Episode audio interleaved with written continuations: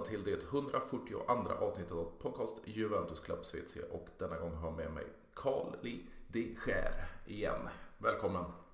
Ja men stort tack! Eh, en ära att vara tillbaka i, i den här podcasten efter mitt besök i, vad var det, ganska sen vår. Ja, eh, maj. Det, maj, precis.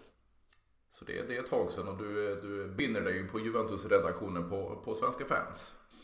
Exakt, eh, även om det var mer frekvent under våren. Nu har det varit mycket jobb och flytt som har kommit lite emellan. Så jag tror jag bara skrivit två texter den här hösten, men jag ska bättra mig på den fronten.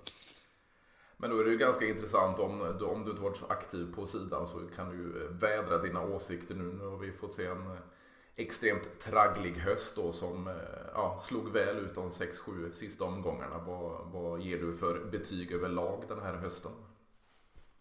Eh, det, är, alltså det är svårt att säga. I och med Champions League-uttåget så kan man ju inte hålla det för högt med tanke på den gruppen vi hade. Dock måste man säga att jag överraskade nog alla med mm. deras spel. Men om vi ska ta en klassisk nivå så skulle jag nog säga en femma.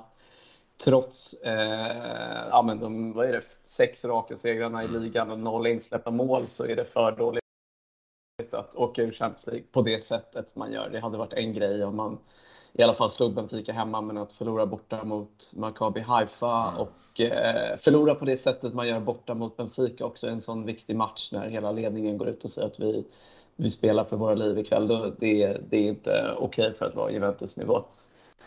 Eh, så sammanfattningsvis en femma, helt klart precis under godkänt och godkänt som sagt hade varit om de tog sig vidare till Champions League, eh, en andra plats och sen ligga trea i ligan. Det tycker jag är helt okej med tanke på skador från varon som har varit. Ja, absolut. Och vi har ju mycket att hämta till, till eh, vårkanten här. Men om, om vi går för Europa League, vad skulle du säga då? Alltså du menar att Juventus ska satsa på att vinna Europa League? Mm. Jag vet inte, man är ju alltid lite, när det kommer till just Europa League, hur man ska hur man ska balansera det med ligaspelet. För att en del av mig ville ju faktiskt att vi skulle missa Europa League. Eh, om man tittar på Milan förra året där de fick spela bara i ligan. Eh, kunde lägga fullt fokus på det och med tanke på skade, hur det har varit på skadefronten för Juventus så tror jag nästan att eh, fler matcher kan skälpa snarare än att hjälpa. Och liksom, I min värld, självklart hade det varit mäktigt att vinna Europa League men det är ju inget som slår så högt för mig. Hellre åka ut i en kvartsfinal i Champions League än att vinna Europa League nästan. Så... Men nu ska, nu ska man möta Nantes så det är väl egentligen bara att städa av. Sen får vi väl se hur det blir. Där kan man till och med rotera tror jag och vinna ganska lätt. Men om vi, låt säga att vi får ett Arsenal i omgången efter eller Barcelona, även United, hur, hur man ska lägga sig då. För man vill ju inte förlora en sån match heller. Så så sammanfattningsvis så, ja visst, det blir kul att spela i Europa, men jag hade absolut kunnat, kunnat vara utan det. Och i min eh, bok så kanske man inte, ska man kanske rotera lite där och låta spelare som Miretti få starta i Europa League. Eh, Fagioli givetvis, men kanske vila spelare som har varit skadade också. Eh, om vi tittar på Kesa som kommer tillbaka till januari, vi vet inte hur lång tid det kan ta. Och, knäskador. Om jag, alltså det, jag tänker alltid på Saniolo och jag tänker mm. på Kesa att det kan hända igen. Så man är rädd när man har sett honom spela nu. Så, så det, är väl, det, är väl en, det blir en jätteviktig balans för Allegri att hur han ska prioritera det här. Ja, och det känns ju liksom om, om man tänker rent finansiellt då är det ju extremt viktigt att ta en minst, eller som sämst en fjärdeplats i ligan för Champions League nästa säsong. För om man tänker på pengarna, jag såg någon uträkning och la upp på sidan för ett tag sedan att vinner man Europa League så får man igen pengarna man förlorade för att man inte avancerade till slutspel i Champions League. Mm. Eh, så det, det, är ju endast de pengarna och, och, eh, det var väl 32 om jag inte minns helt eh, fel miljoner euro. Så, så, det är ju inga extrema pengar vi skulle, om vi då hårt satsar på Europa League så då är det som du säger att egentligen så skulle vi klara oss utanför Europaspelet och helt satsa på, på att ta en fjärde plats som sämst. Ja, precis, och det är ju återigen som vi pratade om senast att liksom, är, vet vi att Juventus når Champions League till nästa säsong, då öppnar det upp för andra möjligheter på transfermarknaden också.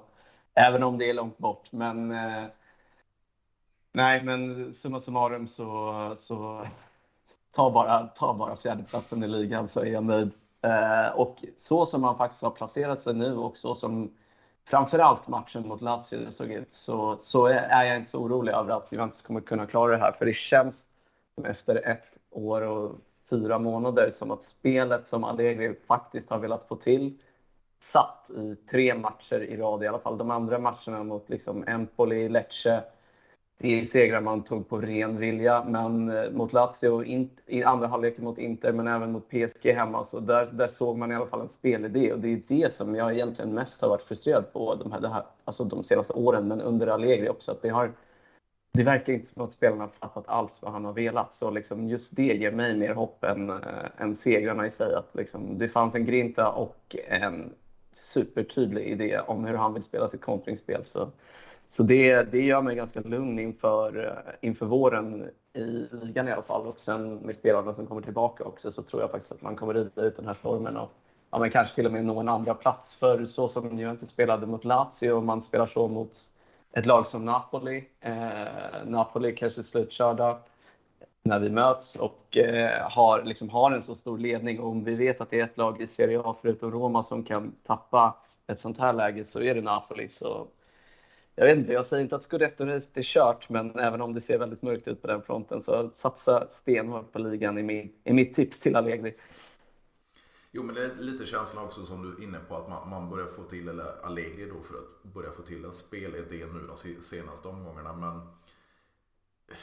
Tycker du man kan skylla skadefrånvaron på 11-12 spelare att det har sett ut som det gjort eller tycker du att Allegri kunde ha gjort mer tidigare? Man undrar ju vad det var som klickade helt plötsligt mm. för han har ju, det var ungefär samma material som har spelat med, fast minus Vlahovic då. Det, konstigt nog så har det sett bättre ut utan honom. Han var ju extremt isolerad tidigt under hösten och fram till hans skada egentligen.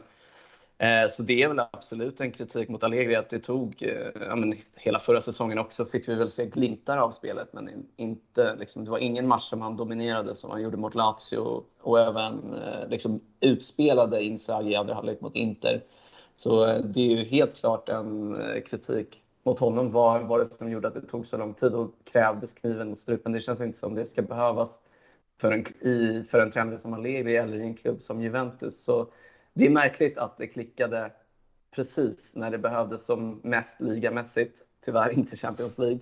Eh, så, och det gör ju också att jag, jag själv liksom brukar absolut inte vara för att sparka tränare under säsongen. Särskilt inte, och det är inte Juventus att göra det. Men efter matchen borta mot Benfica satt man ju där och jag tror till och med att jag började dela tweets om liksom, nu räcker det. Men eh, nu, har jag, nu får jag äta upp mina ord lite för nu vill jag inte att han ska lämna. Eh, och om det fortsätter så här, ja då kanske det var värt väntan ett och ett halvt år. Att, liksom, det behövde sätta sig eh, på vissa fronter. Visst, unga spelare som Miretti eh, har fått väldigt mycket speltid. Kostic, han hade en lång startsträcka.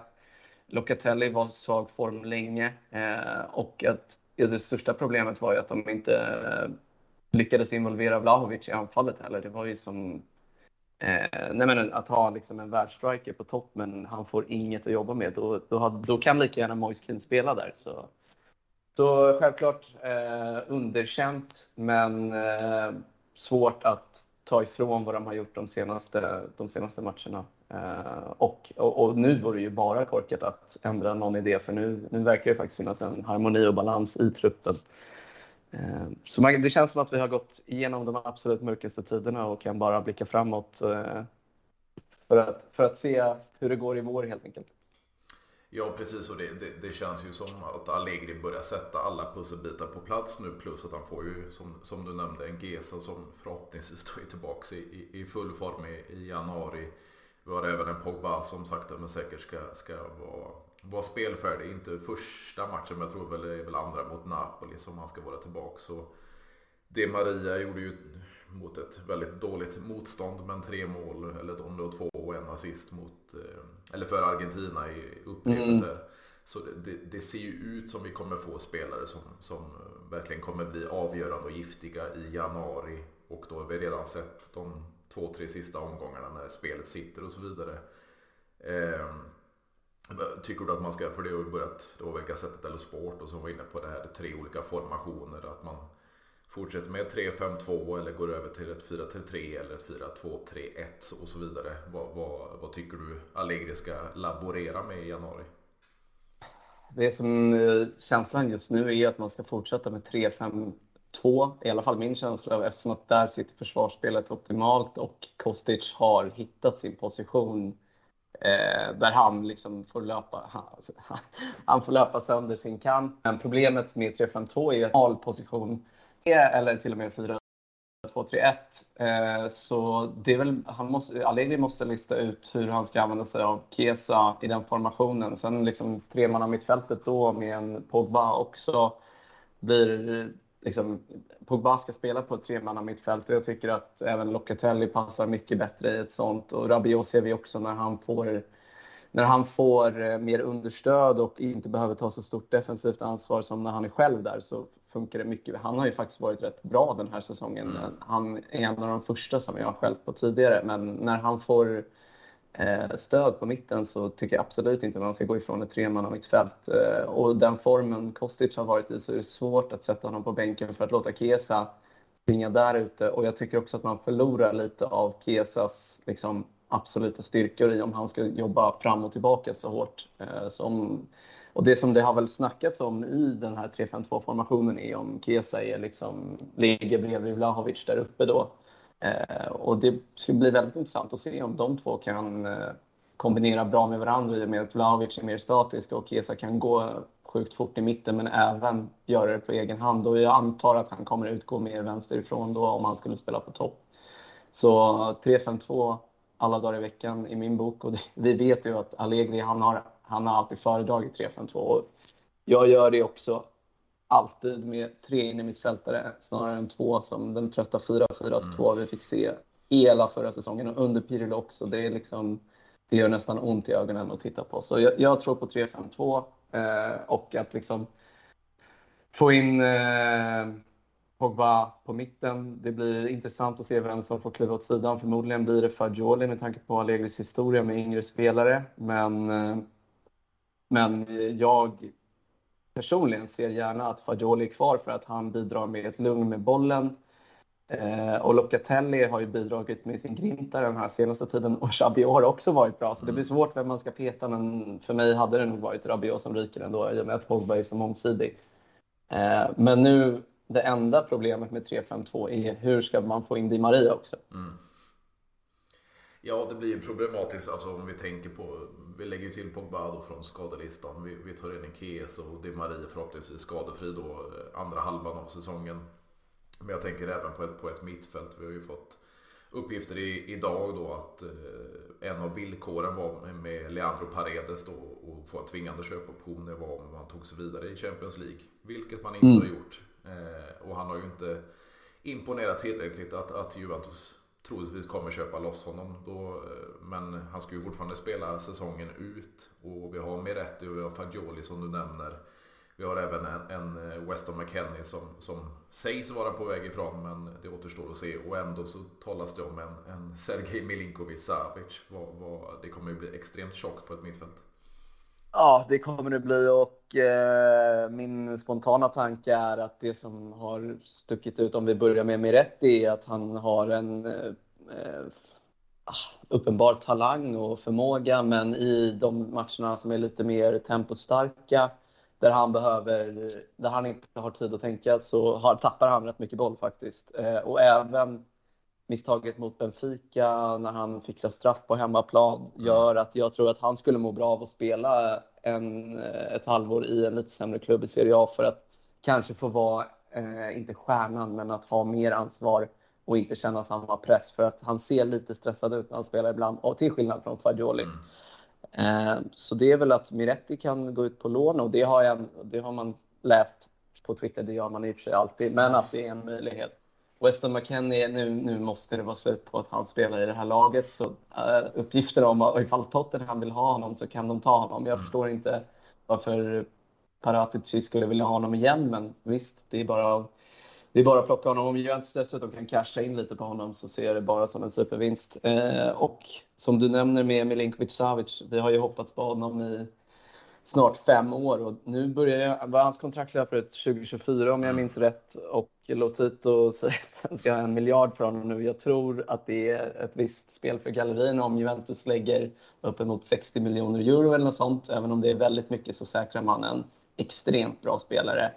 Eh, mångsidig, teknisk, vinnare eh, och gör poäng. Och tänk dig ett mittfält med eh, både Pogba, nu, nu vet vi inte hur bra Pogba kommer vara, men han har ju en hög högsta nivå. Mm.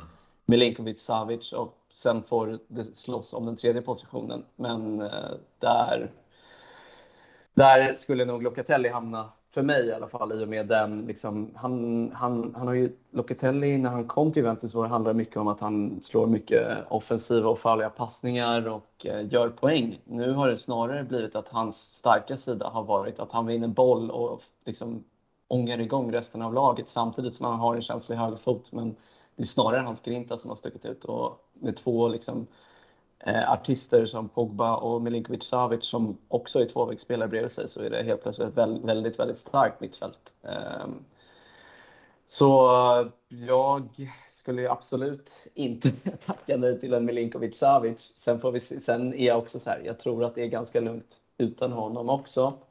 Och när vi pratar om Paredes så visst, han har inte övertygat men han har inte heller spelat så mycket eh, och han spelade när Juventus var som absolut sämst. Så det är, svårt, det är lite svårt att bedöma honom än så länge, men just nu så verkar det ju vara en ganska bra lösning att inte förlänga med honom i och med att han sitter på en relativt hög lön också.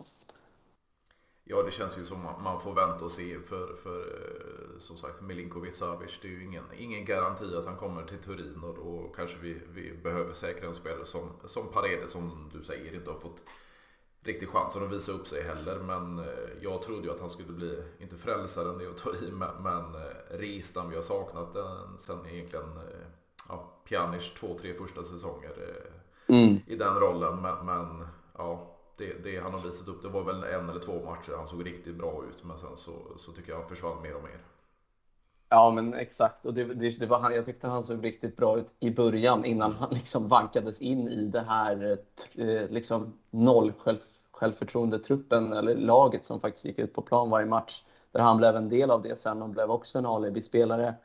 Och på toppen av det blev han skadad sen. Så ja, det, det har varit väldigt svårt att bedöma honom. Det är svårt, jag, kan inte kritisera Paredes särskilt mycket för det han har gjort. Det har inte varit liksom... Det ligger inte på honom bara. Samtidigt så håller jag med dig för att det var ju det man tänkte var problemet. Att Juventus har ingen som en, eh, en, ja, en regista. Man hoppades ju att Locatelli skulle kunna vara det, men han var ju i urusel form i början av säsongen också och har ju visat att eh, han kanske mer ska vara en Mesala Eh, och Paredes kändes då som den perfekta lösningen då. Men, men jag tror att liksom, situationen i Juventus påverkade honom också eh, tillräckligt mycket för att liksom, man inte ska kunna beskylla honom eller hans kvaliteter för hur det har sett ut hittills eller hur hans höst har varit i Juventus. Nej, och sedan så finns det ju ganska många vad ska man säga, positioner i, i, i laget som man behöver förstärka. Nu talas det ju framförallt om, om en högerbacksposition som behöver förstärkas redan i, i januari och det är väl kanske inte de, de sexigaste namnen som, som nämns där av alla namn som, som kopplas ihop med Juventus nu inför januari. Vad, vad tror du skulle fungera? Ja, Quadrado. Eh, det är svårt. Det är ändå alltid respekt för Quadrado. Han lägger ner jobbet, men han är ju för slarvig i sitt passningsspel och han är inte tillräckligt snabb längre.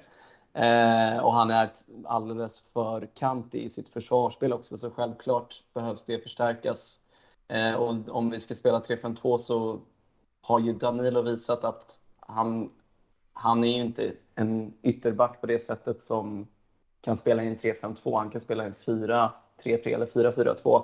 Men han har också gjort det väldigt bra som, som mittback. Så det är absolut ett stort hål i truppen och som du nämner, det är inte de mest spännande namnen som har, som har föreslagits där. Och liksom högerbackar just nu, att hitta någon som är redo att lägga ner Lichsteiner-jobbet i Juventus. Jag, jag, vet, jag, vet, faktiskt inte riktigt vem det skulle kunna vara och det, det är ett orosmoln helt klart. Eh, så, och ryktena har ju varit med, nu blev jag lite osäker här, men eh, Grimaldo i Benfica är väl vänsterback?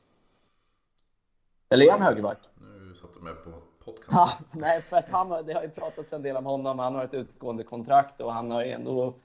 Eh, han imponerade mot Juventus tyckte jag, även om jag har ett hjärnsläpp nu om han är höger eller vänsterback. Men han har ju, det, honom har jag läst lite om. Eh, men sen mer, vad, vad, vad är liksom möjligheterna för Juventus att ta in för högerback? För jag har inte läst så många namn som jag tycker. Det har väl snackats om att ta tillbaka, vad heter han? Andrea Cambiaso. Exakt, exakt. Eh, det är väl ingen, Grimaldo är inte... vänster säger jag till och med. Ja, bra. Då, så du hade rätt. Nej, det är ju framförallt det. Det har ju varit snack om, om Ricky Karstorp i, i eh, Roma. Eh, oh. Emil Holm, Spezia. Eh, sen har det varit lite andra ungtuppar som man knappt känner till. Det var någon i Villarreal tror jag. Eh, mm. Så det, det, är ju inga etablerade eller, eller eh, ja, fina namn som, som man kan tänka sig att plocka in direkt. Utan det är väl lite billigare lösningar så att säga. Mm. Och Rick Karstops, det, den, liksom, när man började läsa den mm. stängde man ju bara ner Twitter. Det är inte en spelare som är en... Alltså, det är inte en Juventus-spelare någonstans. Dels eh, eh, nivåmässigt men också karaktärsmässigt och hur, bara hur skär sig i Roma. Det är en stor varningsflagga eh, för mig. Och om han inte klarar av Mourinho då kommer han inte klara av hur Allegri agerar mot honom heller eller hur man sköter sig i ett lag. Så det, och det, det känns som att den uppgiften är given att komma bara för att han inte kommer vara kvar i Roma mm. Eh, och kommer hamna någon annanstans i Italien förmodligen. Men det, det, vet jag inte om... Eller jag är säker på att han inte kommer hamna i Juventus i och med att liksom, hans persona någonstans. Eh, så nej, nej, vi har en väldigt svår situation där och egentligen så var, när vi pratade senast så pratade vi om vänsterbackspositionen mm. också där Alexandro har ju haft ja, två, tre svaga säsonger bakom sig. Men faktiskt gjort det helt okej okay som en eh, som vänsterback i en trebackslinje. Mm. Eh, visst, det är ingen lösning som kommer vara långsiktig, men där kan han i alla fall spela säsongen ut och potentiellt eh, vara en backup nästa säsong. Men jag ser också att vi har ett problem där om Kostic går sönder eller om vi inte spelar 3-5-2. Vem ska spela istället? Vi kan inte vi kan inte ha Mattia Di som ska vara vår backup alla dessa år, för han, han, han håller inte i de stora matcherna. Han kan göra bra ifrån sig mot lite mindre lag, men när det väl gäller så är, går det inte att lita på honom. Särskilt inte på vänsterbackspositionen. Så, nej, det är helt klart eh, hål som måste täckas, men mittbackspositionerna kommer behöva täckas också. För vi har Bremer som har varit otroligt bra. Mm. Danilo som liksom, jag är fortfarande så här, han har grinta och så, men jag tycker han kan väl få väl mycket cred bara för att han har en eh, utstrålning som är som en vinnare. Hans liksom, nivå är inte... Den är inte ett lag som man eh, når Champions League-final med. Så bra är inte han. Han har för många misstag i sig, mm. tycker jag. Mm. Även om han har ju växt eh, på sistone. Men han, har, han, han är en som har stått ut under hösten med hans inställning eh, tillsammans med Rabiot. Så och vad har vi mer? Vi har Bonucci som liksom knappt håller en okej nivå försvarsmässigt längre och dessutom har börjat slarva med sin högerfot och sina uppspel. Om vi tittar på matchen mot Benfica där han slår bort bollen och sen slår ut armarna i en så viktig match. Det är, det är inte en nivå som man kan ha på en startspelare eh, med, med den svansföringen som Bonucci har heller. Så där är, där är liksom, offensivt finns det namn på mittfältet som vi pratade om. Det börjar bli tjockt och det är spelare som presterar och vi har spelare som kommer tillbaka. Men backlinjen, där, där, där måste det hända grejer. Eh, om inte i vinter, i sommar. Ja precis, det har ju varit lite, fick se en Gatti komma in och så vidare. Men, men bakom där finns ju endast en, en Rugani. Så det är ju framförallt eh, ja, få in lite yngre stabila spelare i backlinjen och, och mittbackslåset. Och det talas ju om han i Red Bull Salzburg, serben. Så det, det kan bli en liten eh, Pavlovic, en liten eh, serbisk koloni här med, med Vlahovic, Kostic och Milenkovic, Savic möjligtvis då. Ja, precis. Eh, och det har ju även liksom innan han förlängde med Fiorentina många gånger snackats om just Milenkovic mm. från Fiorentina också som jag tycker är absolut en bra spelare som är taktiskt skicklig och bra med bollen och en vinnare. Så han, det hade kunnat vara en intressant, eh, men nu lär inte det hända. Så nej, det är, och den, eh, Pavlovic i Salzburg kan jag inte säga att jag har sett så mycket, men självklart har man ju sett eh, ryktena på Twitter. Men eh, det finns inte så många liksom, jag vill ju på något sätt att vi ska ha en italiensk mm. grund att stå på där bak. Och nu har vi en brasiliansk grund. Jag har ingen aning om hur det händer i Juventus, men uppenbarligen så har det funkat rätt bra i och med eh, antal insläppta mål. Alla ska spela VM för Brasilien. Förmodligen kommer jag tror att både Alexander och Danilo eh, tävlar om startplatser. Även om Bremer är den bästa så lär inte han peta någon av Thiago Silva och Marquinhos när det väl drar igång. Så, så nej, det blir, det blir intressant att se hur eh, Cherubini och Arrivabene ska lösa situationen där bak. För det är inte direkt där vi brukar ha problem, men man ser ju dem komma trots resultaten just nu. Ja, och det känns ju lite som det här med Italo och Juve som man har eh, talat om länge. Alltså, I landslaget så har vi haft extremt många Juventus-spelare. Men både på ett mittfält och, ett eh, mittförsvar så börjar ju det sina ganska rejält. Vi har då en Gatti som har kommit upp, vi har en Bonucci som är kvar. Sen har vi ju egentligen bara Locatelli och ungtupparna då, Meretti och Fagioli som kommer med i, i Gliazzurri. Men, men jag har talat om det i tidigare avsnitt, vi har ju en Barella då som valde valde Inter och vi har en Tonali som valde Milan och så vidare. Men, men de här talangfulla spelarna som egentligen vi vill ha i vårt lag som kommer från italienska landslaget, de, de växer inte på trä numera. Nej, precis. Och där har vi ju egentligen eh, Inter som har Bastoni också. Mm. Som hade, han hade varit en riktigt fin Juventus-spelare, men det kommer ju absolut inte hända. Så, så nej, det är, det är ju något som eh, kanske vi får vänja oss med en del av eh, dels Juventus eh, lilla förfall, men också att eh, någonstans när den defensiva grunden i, i landslaget inte är tillräckligt bra så måste Juventus titta åt andra håll också för att säkra upp det. För att eh, om det är något som ska vara bra i Juventus så är det just defensiven. Man kan inte plocka italienare bara för att de är italienare, även om det är liksom en kultur som har funnits i vår klubb alltid. Så får väl, eh, får väl eventuellt ske en modernisering där också. Eh, sen vem det, vem, vem det nu landar, vem ansvaret landar på, det, det återstår att se. Men, men eh, det är intressant det du säger att vi börjar bygga en liten serbisk koloni. Eh, det har ju alltid varit Inters stil annars om det kanske sker en liten växling här i vart spelare går. Eh, jag vet inte, men men eh, det, det, är en märklig situation eftersom att det är defensiven som har stått ut den här säsongen men det är också den som verkligen kommer behöva revolutioneras eh, snart. Eh, och jag minns att innan sommaren så pratade vi om att eh, vi vill absolut inte för, förlora de Ligt men är det, jag undrar om det är någon som har tänkt på honom nu under hösten i och med Bremers intåg som har varit helt fantastisk, tycker jag. Ja precis och det, var, det, känns ju inte som det var någon, någon anpassningsväg överhuvudtaget utan det var bara att tuta och köra och, och, växa in i det och han har gjort det verkligen med bravur så det är som du säger, alltså det, det, det är bortblåst det namnet.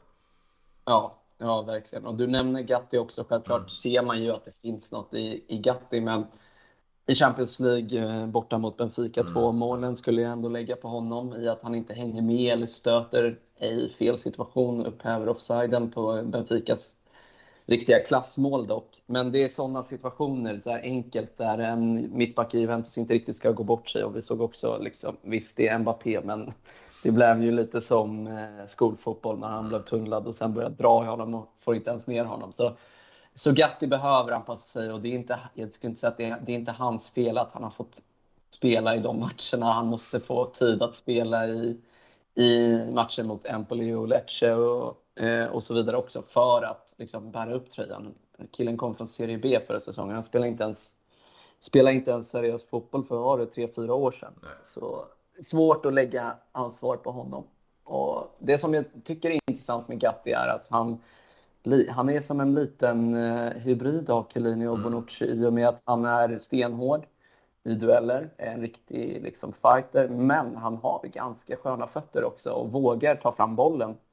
Eh, även bjudit på några snörfinter och så under säsongen. Så det finns ju något att hämta där, men han behöver tid. Ja, det är ju lite som du säger en, en hybrid av dessa två med, med spelande fötterna och sen det här älgandet som, som Chiellini har gjort x antal gånger. Det, det är härligt att se att det, det kommer underifrån också. Ja, verkligen. Och samma filmningsteknik mm. som Chiellini när han drar halvvolten över vänsteraxeln varje gång. Så. Från det bästa. Ja, verkligen. verkligen. Nej, men eh, så, som du säger, och liksom, jag ska vara ärlig och säga jag kunde sitta och ägna timmar åt rykten på Twitter förut, men just nu när VM har dragit igång och allt, jag har inte liksom, försökt titta så mycket på det för att det är så mycket som skrivs hela tiden. Så jag tror att VM kommer att avgöra en del också, vad, vilka som står ut, vilka man kanske, någon som gör ett riktigt bra mästerskap, vem vet? Och sen om de vill hamna i Juventus eller inte. Men vi får se hur situationen ser ut för att det blir en helt annan januari Mercato än vad det brukar vara i och med det här slutspelet. Ja, vi har ju de här kända, typ James Rodriguez som gick till, till Real och vi har ju, vad heter han, Costa, målvakten eh, i PSG.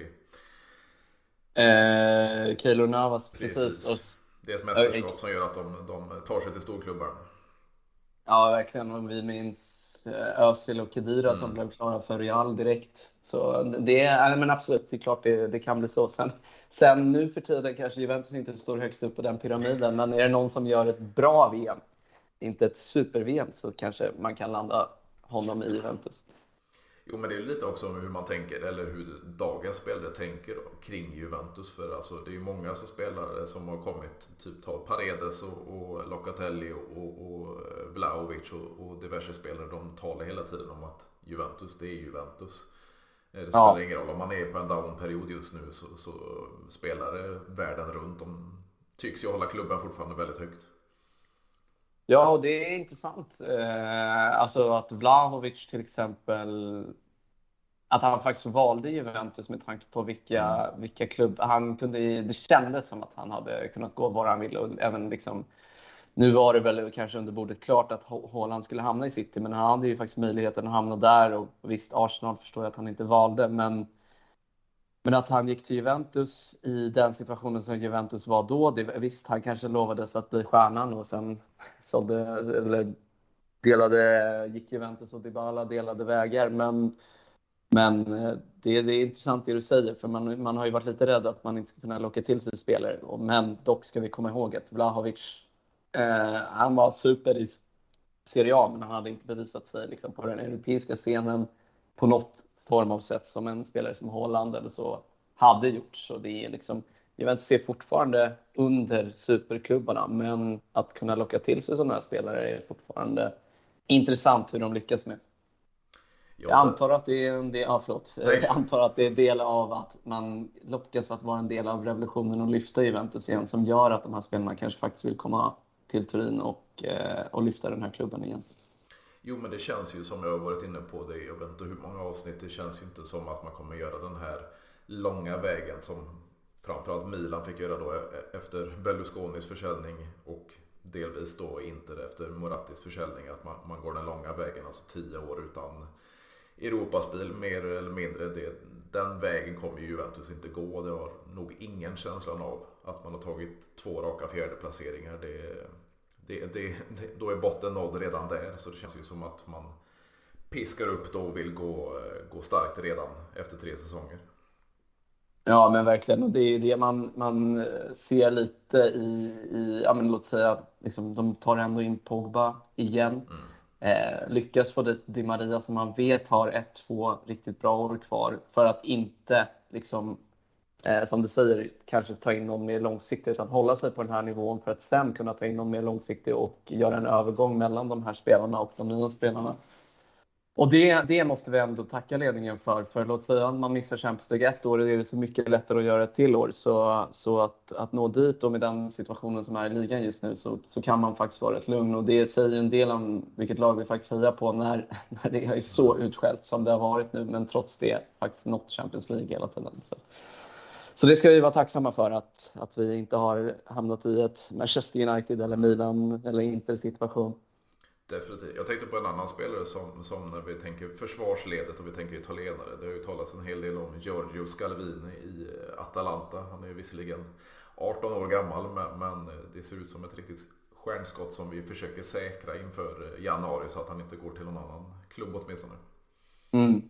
Ja, och det, där står det ju bara att se om, eh, om eh, han har psyket eller inte. Mm. Om man tittar på gamla Galdara-värvningen som mm. var lite samma situation. Eh, vart spelar Caldara nu? Han spelar i... Atalanta.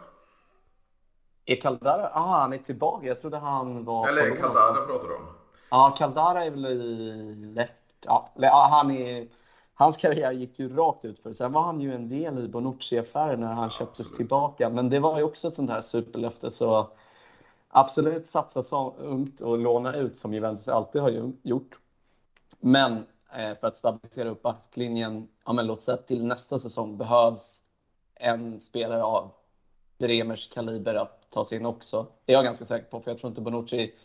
Jag tror och hoppas inte att Bonucci spelar kvar efter sommaren i alla fall. För att det känns som att det, med den personligheten han har kan han, även om han har försökt många gånger svarta ner sitt rykte ytterligare i en ganska fin Juventus, eller en väldigt fin Juventus-karriär han faktiskt haft, men många grejer som han har gjort lite fel, eller ja, men han gick till Milan firade mot Juventus. Eh, alltid ute och tjafsar lite nu tycker jag i media också om hur Juventus beter sig eller hur, hur laget är istället för att vara tyst och jobba på bara. Så, och nu att det snackas om att han vill lämna redan i januari. Eh, för att hålla upp sin värdighet så tycker jag att han ska vara tyst och jobba på eh, säsongen ut och så får vi se vad som händer i sommar.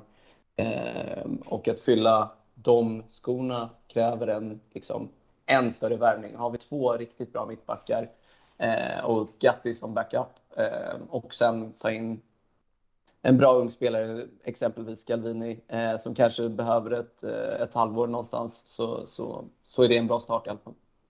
Vad tänker du på det? Alltså om vi, vi säger att Bonucci lämnar efter säsongen. Vi har tappat en Buffon, vi har tappat en Chiellini. Vi skulle tappa Bonucci då. Vi har kvar, eh, som du nämnde tidigare, att, att Danilo har karisma. Han har en ledarefunktion i klubben. Men det här riktiga Juventus-DNA, vart tar det vägen när vi, vi släpper alla de här senatorerna? Ja, det är en bra fråga för att just nu som du nämner så är det ju faktiskt Danilo som har hållit upp den och till viss del Locatelli. Eh, jag återkommer hela tiden, men jag, ty jag tycker verkligen hans närkampsspel de senaste matcherna, minst mot PSG vann han bollen på offensiv planhalva tre gånger i rad, alltså under en sekvens på 15 sekunder. Det är något som har hänt i honom att han, han har börjat fatta vilket lag det faktiskt han är spelar för just nu. Så det är, en, det är en italiensk spelare med den inställningen. Sen måste han få upp sin spelmässiga kvalitet också, men vi vet ju att den finns där någonstans. Så återfår han fullt självförtroende och kan hålla sig skadefri så är det en eh, Locatelli en spelare vi kan bygga på. Han är fortfarande ung. Eh, så det är i alla fall någonting vi har och sen just det italienska DNA, ja som vi pratade om, backlinjen just nu och liksom framtiden vi ser där är, är potentiellt inte italiensk. Så då får man tänka nytt och om vi ska ha en ledare så säger jag att eh, Dusan Vlahovic har ledarprofilen. Eh, han är fortfarande 21 år gammal eh, och har liksom alla kvaliteter. Om han får vara mer, mer involverad i spelet och eh, så tror jag att han kan bli en sån som drar igång laget också. Självklart får vi inte glömma Kessa som är, en, som är en, en tyst ledare med sin spelstil. Han är inte den som hörs eller skriker mest, men han visar hur man spelar i Juventus och det är nog därför han är så otroligt populär bland oss supportrar. Det är liksom, han har inte de fin, den finaste statistiken, men det är som när jag pratar med mina kompisar, han är min absoluta favorit i Juventus och det är just för att han personifierar det som Juventus alltid har stått för. Att Eh, bära tröjan med stolthet och göra det extra jobbet. Eh, det behöver inte vara snyggt, men det ska vara effektivt och det, det är Kesa. Trots, eller, och utöver det har han eh, den här extrema offensiva kraften. Eh, så, så Kesa är också en spelare man kan bygga på. Även om jag inte riktigt ser honom som en lagkapten så är det en inställningsspelare som kan, kan visa vägen för andra. Jo men det känns ju som att vi tagit eh, Florens nummer 10 två gånger om och, och Kesa visar allt som Bernadeschi inte kunde visa på, på, på fem säsonger. Ja, ja herregud. Bernadeschi. Vad, nu är han i Toronto och är aktiv på sociala medier ja, istället. Jävlar, han har show varje vecka. Det, det... Ja, det har han. Visar sina engelska lektioner också. Det... Ja, nej, det, hans karriär blev nog inte så riktigt som han hade hoppats. Men uh, han fick göra mål i EM-finalen i alla fall på straff. Så det har han. Det har han i, i bagaget. Ja, det känns lite som han har gjort en, en Giovinco-resa och ja, lämnat uh, Europaspelet ganska tidigt och, och gjort, gjort succé i MLS istället. Exakt, och det får man väl ha respekt för. Alltså, jag tror att Bernadeschi var en spelare Eh, som inte hade psyket för att, ja, jag tror säkert att hade han spelat i en annan italiensk klubb, eh, låt säga, jag tror han hade gjort det bra i Roma exempelvis, mm. men han hade inte psyket för Juventus och det kändes som att det långsamt bröt ner honom också. Så jag, jag, jag, jag har respekt för hans beslut och om han trivs bra där så är väl det toppen. Men det är också en karriär som hade kunnat bli något annat. Det är väl alltid lite tråkigt att titta på, på det. Eh, en sån spelare. Och med, med tanke på de här bossmanna så det var ju en, en Chiellini, det var en Bernadeschi, det var kanske framförallt en Dybala då som fick lämna förra sommaren. Eh, nu går vi mot en, en sommar med Alexandro, Rabiot eh, och Quadrado då som sitter på utgående kontrakt. Eh, tycker du att vi ska vi släpp, släppa tre spelare igen? Just de här tre spelarna kanske ja, men det är alltid svårt att säga för att Juventus går igenom lite av en eh, revolution. Just Rabiot är ju inte gammal, men han har ju inte fram tills nu funkat. Och för mig fick han gärna lämna i somras. Nu visar det sig att jag hade lite fel igen där. Mm. Men eh, Quadrado, det är absolut inte en spelare man ska förnya. Det kritiken är väl varför man inte har hittat en ersättare tidigare. Det, vi har ju vetat om det här länge. Man har sett det eh, förra säsongen också. Quadrado är en säkerhetsrisk och det, han har alltid varit det, men nu är den liksom för stor. Eh, och dessutom så, han har gjort tre assist den här säsongen, men eh, liksom med den högerfoten och det som man vet att han kunde så, så är det en gåta för mig att vi inte har en bättre spelare där nu, eh, med tanke på den uppenbara nedgången på, eh, på på Quadrado. Så, så det är väl liksom svagt av ledningen på ett sätt. Samtidigt har vi en helt ny ledning som verkar tänka på ett annat sätt där vi inte ska förlänga med alldeles för gamla spelare. Eh, och då, ja, det kanske får bli så två år i rad att, att eh, truppen nyas. Eh, och det, uppenbarligen har det ju behövts för resultaten på planen har inte varit som vi hoppats. Så, så man får väl lita på eh, eh Arriva Bene och kompani att de faktiskt eh, löser det här på något sätt. Och sedan så känner jag bak till, alltså det, det har varit eviga diskussioner om våran polack mellan stolparna. Eh, vi har ju sett statistiken nu också när, när Perin och, och, och Kersny sitter på de bästa statistiken i, i Serie A denna säsongen och i bland Europas topp 5-ligor dessutom. Mm. Eh, men han har sitter på ett kontrakt till 2024. Eh, finns en option till 2025 det talas ju om att i det långa loppet då ta in en, en Vicario i Empoli eller en Canesecchi i, eh, ja, spela på lån i, i Cremonese då men, men från Atalanta. Eh, ska man satsa på de här unga italienska målvakterna framöver och, och låta polacken spela kontraktet ut eller tycker du att man ska satsa på någon mer etablerad målvakt som, som redan finns ute nu bland storklubbarna? Svårt med Chesney tycker jag för att eh han är ju oftast väldigt bra, men han sticker inte ut som den här ledaren där bak. Och kring Vicario har jag ju bara sett hur bra han är på att rädda bollen. Jag kan inte avgöra om han har egenskaperna som krävs för att styra en backlinje som Buffon gjorde eh, så länge. Eh, och som man ser att liksom, eh, ja, men låt säga Mike Mignon i Milan, kan, han märks ju att han är på plan. Chesney är mer en figur som är där och räddar bollen känns inte som att han är den som... Ja, men jag vet inte, ledaren som börjar bakifrån som vi alltid har varit vana vid. Att det finns den, den liksom, rollen har ju Chesney inte tagit, även om man inte kan klaga på hans insatser. Så eh, det är en svår fråga, men jag skulle nog spela ut hans kontrakt. Eh, och eh, Perin är absolut en bra backup. Eh, som faktiskt jag tycker han märks mer när han spelar. Mm. Även om många säger att kanske målvakten inte ska märka så mycket så är han mer närvarande på något sätt. Och det är liksom bara en sån grej som att man ser ofta att bildproducenten väljer att visa Perin för att han har stora reaktioner efter räddningar eller efter att backlinjen har gjort något bra eller efter mål. Han är verkligen inspelad medan Chesney är mer spelaren som inte visar så mycket känslor. Och till och med förra säsongen minns jag att han log lite efter att ha släppt in några mål och sånt och det gillar man inte att se. Men man kan inte klaga på honom som målvakt. Men att satsa på honom resten av karriären kontra att låta en yngre spelare eh, liksom spelas in eh, och blir långsiktig i och med att vi inte alltid har tänkt långsiktigt när det kommer till målvakter så, så skulle jag nog satsa på det alternativet istället eh, och låta Chesney gå tillbaka till sitt älskade Arsenal efter 2024. Ja precis, det, det har ju faktiskt talats om, om eh, i Tottenham att de skulle vara intresserade. Men, men eh, ja, det, det återstår att se. Eh... Känns uh, otroligt med tanke på hans historia mot Tottenham mm. och det uttalade Arsenal. Uh, ja, hur mycket han älskar Arsenal. Ja, definitivt. Och, och det känns ju som att han stortrivs i, i Juventus om man ska vara ärlig. Så jag tror faktiskt inte om, om de inte får in ett riktigt bra bud och, och som han själv blir nöjd med också så tror jag faktiskt att han kommer spela i Turin kontraktet ut. Ja, men det, det, tror jag också. Och det är inte lite känslan att alla spelare i Juventus ryktas till Tottenham efter jo. att Paratici gick dit. Så, så det är svårt att säga substansen i, i, i, i ryktena när det kommer till Juventus-spelare i Tottenham. Ja, det var ju samma jag som sitter med dagarna i ända och skriver på, på eh, Juventus Club Svezia om alla spelarrykten och, och affärer och, och, så vidare. Man, man eh, blir lite trött på, på vissa sajter med, med Calcio Mercato bland annat. Eh, det var då att skicka Chiesa då för att få, få spelare och det, och det var ju Mason Mount i, i Chelsea. Och, ja. ja då, då, är man ju verkligen ute och cyklar. Ja, man undrar ibland vem det är som ens kommer på de här ryktena. Det hade inte varit bra för någon av eh, parterna tror jag. Nej, liksom, nej. Vi ser med britter i, i Juventus eller i Italien i stor, stora drag. Det funkar inte. Och jag ser inte hur Mason Mount varför han skulle vilja gå till Juventus. Så.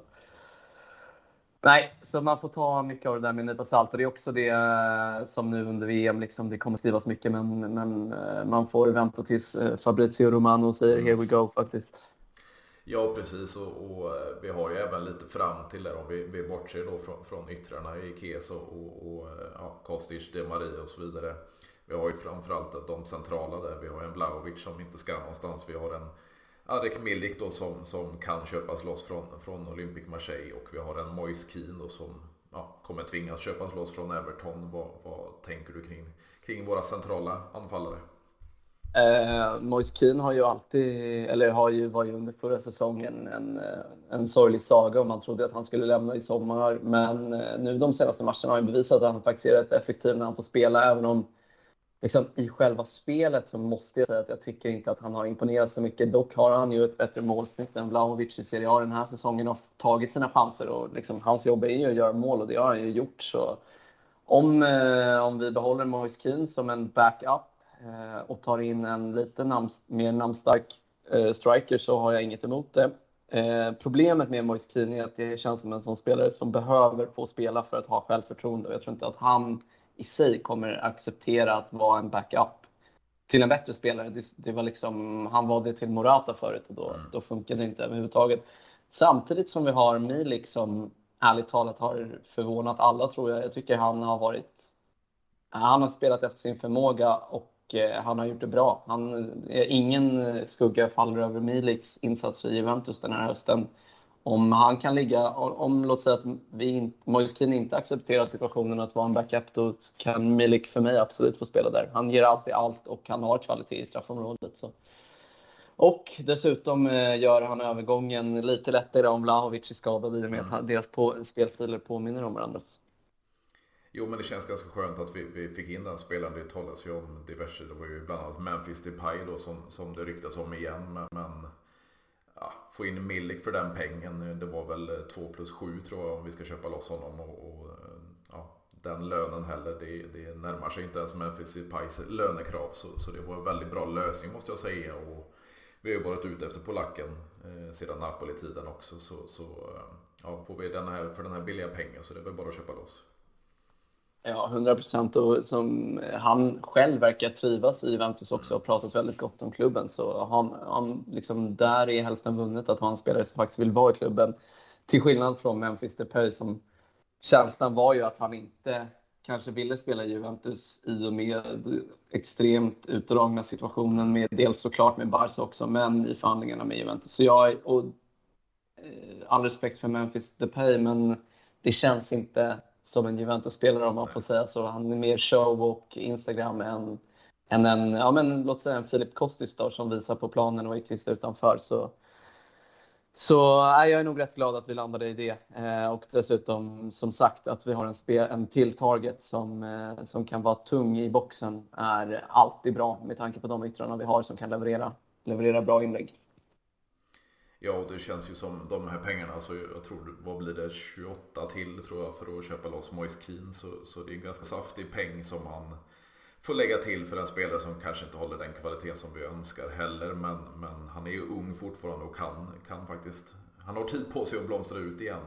Eh, sedan får vi ju in kapital. Det kommer ju eh, Tottenham köpa loss Kulusevski bland annat och, mm. och så vidare. Så, så pengarna trillar ju fortfarande in. Absolut, och, eh, men ja, nej, Muskin är en intressant situation för att eh, jag, liksom, nu när du säger det och det är ganska ofta man gör det, man glömmer bort att han fortfarande är väldigt ung. Han, han är 00 om jag minns rätt. Eh, och det känns ju som att han har spelat hur länge som helst. Eh, så liksom, självklart behöver han tid också. Eh, men han har fått ganska mycket tid. Mm. Och nu har han ju faktiskt tagit det. Men kommer han göra det om han alltid börjar på bänken? Det är det som är den stora frågan. Så jag tror att eh, våren blir rätt avgörande för hans framtid i Juventus. Om, om han blir klar, kvar eller kanske går... Jag tror inte han kommer gå till England igen, men men eh, skulle kunna hamna i en annan klubb i Italien och kanske vara första striker. Eh, som, ja men låt säga att han skulle göra en övergång som typ Belotti till Roma. Nu är Belotti inte första striker, men en liknande situation där han skulle få mer speltid och kanske lite mer vara stjärnan så tror jag inte det skulle skada honom heller utan att han snarare skulle växa i en sån uppgift. Ja, och sedan så har vi några andra ynglingar som, som kommer underifrån. Vi har Mattias Soledo som, som ja, det kan bli utlån till, till Empoli resten av säsongen för att få mer speltid. Vi har en Kayo Jorgs då, som återvänder från en, en knäskada likt eh, Kesa och vi har ju även en, en Samuel Illing Junior då som, som eh, gjorde lite succé-inhopp eh, då den senaste tiden innan även han blev skadad. Så vi har ju några som kommer underifrån också. Ja, det får man minst sagt säga. Alltså, jag, när jag har sett de här, framförallt Eiling Junior och eh, Solé, så ser man ju att det här är spelare med kvalitet. Eh, Eiling Junior, om jag ska vara helt ärlig, jag hade ingen aning om honom innan han hoppade in först i Serie A och sen mot Benfica. Eh, men, men där var ett internationellt steg och eh, speluppfattning som man hann se på totalt 30 minuter. Så det är absolut... Och jag, de sitter väl i förhandlingar nu om att förlänga hans kontrakt. Det är inspelare man absolut inte ska släppa för att har vi, har vi, har vi honom säkrat för många år framåt också kan han fasas in i truppen och bli en riktigt, riktigt fast spelare. Sen är det lätt att sitta och säga så om unga spelare, vi har sett det förr, men det han har visat har varit imponerande. Och eh, Mattias Olea har ju också den här liksom, internationella spelstilen där han bara kan glida förbi eh, och inte, det ser liksom inte svårt ut för honom. Och dessutom en vass vänsterfot. Han är lite av en om man får dra den parallellen, en Di Maria Light med hans teknik och eh, speluppfattning och avslut. Så det är ju självklart någon man ska satsa på. Jag såg nu att han hade presterat bra i Next Gen också. Mm. Så, så att bygga vidare på de unga spelarna som vi inte faktiskt får fram är något jag verkligen hoppas att man vågar göra nu med Allegri som rent historiskt har varit ganska dålig på att hantera yngre spelare. Men den här säsongen har han tvingats att spela dem och då har det blivit bra. Så så förhoppningsvis eh, ska han inte behöva tvingas utan våga spela de här spelarna eh, längre fram också. För att eh, vi, såg, vi såg matchen mot Lecce när eh, Fagioli och Solé kom in att liksom, då började Juventus ta över matchen. Mot Benfica så var det självklart, Benfica ledde med 4-1 och kanske slog av på takten lite men det blev ju fart framåt. Det var inte den här inlåsta taktiska idén om att Juventus måste spela på ett specifikt sätt utan det var spelare som kan bryta mönstret och sådana spelare är superviktiga att ha i låsta matcher. Så så nej, för att vara helt ärlig så ser framtiden ganska ljus ut på många plan förutom potentiellt då backlinjen mm. eh, för vår kära klubb. Vad tänker du då om du får, får eh, avslutningsvis sia lite om, om vårsäsongen med tanke på det vi har pratat om idag och, och hur det såg ut de sista omgångarna. Vi får tillbaka de, de långtidsskadade spelarna och så vidare förhoppningsvis i, i full form och, och lite uppeldade efter ett, ett VM. Eh, vad, vad, tror du vi slutar på i, i Serie A denna säsongen? Det är farligt att säga men eh, jag är ständigt eh, hoppfull när det kommer till Juventus och eh, jag skulle säga topp två med den, om, om, om, laget har samma grinta och samma, liksom följer sin tränare som de har gjort i de senaste matcherna så har jag sett, svårt att se att eh lag som Milan, Roma och uppenbarligen Lazio kan ta sig an Juventus. Och med den ligapositionen man har just nu så har man allt i egna händer för att faktiskt ta en andra plats i och med att man ska möta Milan igen. Så eh, jag vågar nog sticka ut haken här och säga att eh, en andra plats är möjlig och sen i drömmarnas värld att Napoli får någon typisk tidig italiensk choke och eh, börjar tappa poäng och dessutom förlorar mot, Juventus, förlorar mot Juventus eh, så kan man ju hoppas. Men eh, helt klart topp fyra, eh, förhoppningsvis topp två i en drömvärld ligamästare. Ja, det är väl inte många som tror att, att Napoli håller en säsong ut, även fast det ser fruktansvärt bra ut nu. Men med tanke på hur, vilken trupp de har, alltså vi, vi fick ju se en, en Koulibaly blev eh, Kim, vi fick se en, en Mertens och Insigne blev Kvaratskhelia och så vidare. Räcker räcker egentligen med en skada på en sådan spelare så, så kan det bli desto tyngre för Napoli. Ja, så är det ju verkligen och det som känns bara som att i det laget, till skillnad från hur det har sett ut för Juventus, så klickade allting mm. redan i början av säsongen och att spelare, alltså den här Kim som kom in, ja när jag tittar på Napoli, han är ju felfri. Och det, mm. mm. vart hittade de honom liksom? Eh, och Kvaratskhelia, vilket otroligt, otroligt köp. Men eh, som du säger, att liksom av de två, Zielinski eller Osimhen, mm. en skada på dem så finns det inte mycket backup. Eh, så det är väl, om man får vara fräck så är det väl något sånt vi får hoppas på. Och sen får vi hoppas på mentaliteten som någonstans är ingrodd där nere. Att, eh, att när, det börjar, när det börjar gå lite tufft så, eh, så kommer inte resultaten. Utan Napoli har aldrig varit ett lag som tvingar fram segrar, utan de spelar fram segrar till skillnad från Juventus där den mentaliteten finns. Så jag tror att Juventus är ett lag som mår bättre av att bli jagade än vad Napoli gör. Så det är väl det vi kan hoppas på. Att stressen nerifrån kanske eh, sätter dem på pottan indirekt. Dessutom spelar Napoli i Champions League och jag är helt säker på att de vill göra bra ifrån sig där också. Och med den tunna truppen så kan det sätta sina spår. Så, så hoppet lever. Definitivt och det känns ju som, även fast vi har ett, ett ganska långt VM-uppehåll nu och, och så, höstsäsongen precis avslutades så, så eh, längtar åtminstone jag vårkanten och, och januari när vi drar igång igen. 100 procent. Det, det gör man verkligen. Vi lever i konstiga tider nu med, med VM, men eh, man får väl ägna sig åt det så länge och kanske scouta lite mm. eh, för att sen komma tillbaka till, till vårt kära Serie A. Definitivt. Och, och stort tack igen Carly för att du ville vara med och köta så får vi definitivt ta ett, ett snack igen på, på vårkanten här. Det får vi göra. Tack så mycket Fredrik och ha en fin kväll. Tack detsamma. Ha det gött. Ciao. Ciao.